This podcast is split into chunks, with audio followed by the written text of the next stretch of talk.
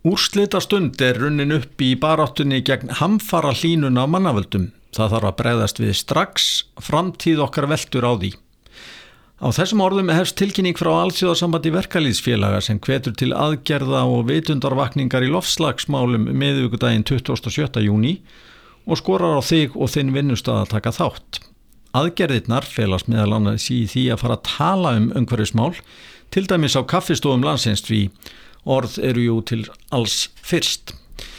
Gundega Ján Línína er varaformaður aðeins í ung og hún er hinga komin. Segðu mér aðeins frá því Gundega, hvað, hvað er hér á segði? Já, eins og þú sagðir uh, áðan, þá er Aldíu samband verkalýsfélaga með heimsátak núna, 27. júni og uh, hvetur launafólkun allan, um allan heim að þaka uh, þátt og hvetur fólk til vitundavakningar og aðgerða gegn hamfara hlínun á mannavöldum. Og við hér hjá ASI og ASI Ung vildum taka þennan átak líka hinga heim til Íslands og meðla upplýsingar um stöðu heims akkurat núna í dag og hugsamlegar afleðingar aðgerðaleysis ef við gerum ekki neitt til okkar fólks og hvetja launafólk hér á landi að taka þessa umræðu inn á sína vinnustæðin á sína kaffistofur og ræða saman hvað er það sem við sem vinnustæður í heild getum gert til að vera meira sjálfbær og til að vera meira umhverfisvæn. Eh, er mikil umræða meðal ungs fólks um lofslagsmál og þá hamfara línun sem við erum að verða vittni að í rauninni bara þessa dagana, ég held að sé spáið mitt í dag og morgun upp á 40 stiga hýta í nokkrum stórborgum Evrópu. Já, mér finnst umræðin ekki nóg. Ég held að við verðum að fá ungt fólk að tala meira um þessi mál. Þetta skiptir gríðilega máli fyrir okkur og okkar framtíð. Og það er, við, við, þurfum, við þurfum að gera eitthvað í þessum málum út af því það er bara ekkert í bóði að gera ekki neitt.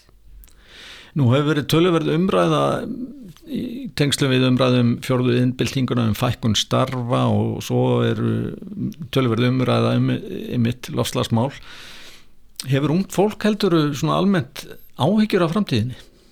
Ég heldur bæði og það er ungt fólk sem hefur áhyggjur og hafa kynser þessi mál og, og hérna en, en það er líka fullt á ungu fólki til sem hafa yngjur áhyggjur á þessu Pæla ekkert í þessu? Pæla ekkert í þessu, já mm -hmm.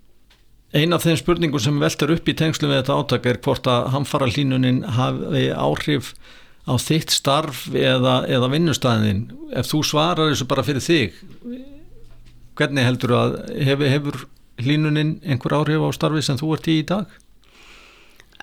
Ekki endilega á mínu, á mínu vinnustæð einhvern veginn er ég ekkert finna akkurat áhrif hlínunar akkurat í dag en það skiptir einhver máli Uh, ég oft, oft hef heyrt fólk segja að það sem ég ger heima hjá mér að ég flokka rusli mitt og gerir hitt og þetta er ekki farið að breyta heiminum. En það sem fólk þarf að skilja er að við þurfum öll ekki að eitthvað mörgum.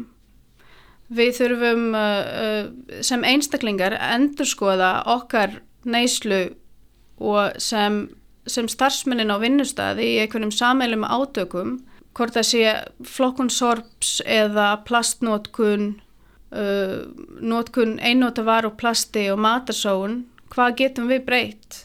Og fyrirtæki ef, ef uh, starfsmenn eru áhuga samir um umhverfismálu sjálf, sjálfbærni þá getur haft gríðilegt áhrif og svona innri ákvarðuntöku í fyrirtækjum uh, um þessi mál. Og náttúrulega síðan uh, framtíða fjárfestingar og stefnur fyrirtækja mm -hmm. eh, eins og framkom hjá mér í, í byrjun okkar spjalls þá ertu varaformaður aðeins í ung hvað er, hvað er aðeins í unga bauka í dag?